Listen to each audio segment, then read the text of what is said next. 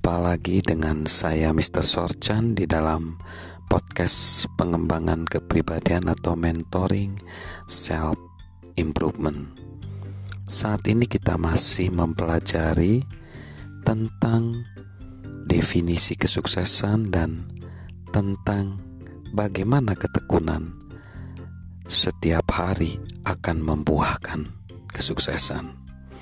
Seperti yang dikatakan Charles Lindbergh, sukses tidak diukur dari apa yang seseorang capai, tetapi dari banyak halangan yang harus ia hadapi dan keberanian yang membuatnya mampu bertahan dalam mengatasi rintangan.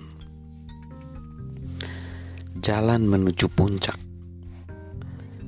Zig Ziglar pernah mengatakan bagaimana ia mempunyai pengalaman mengunjungi monumen Washington pada satu perjalanan ke Washington DC.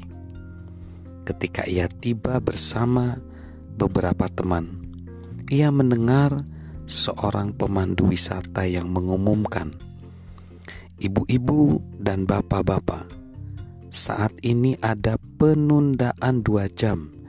Untuk naik elevator ke puncak monumen.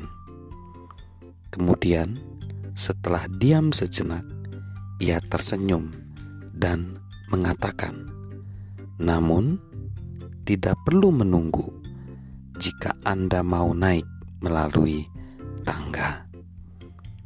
Cerita Zig Ziglar mengungkapkan sesuatu tentang sukses Sebenarnya tidak ada elevator menuju puncak.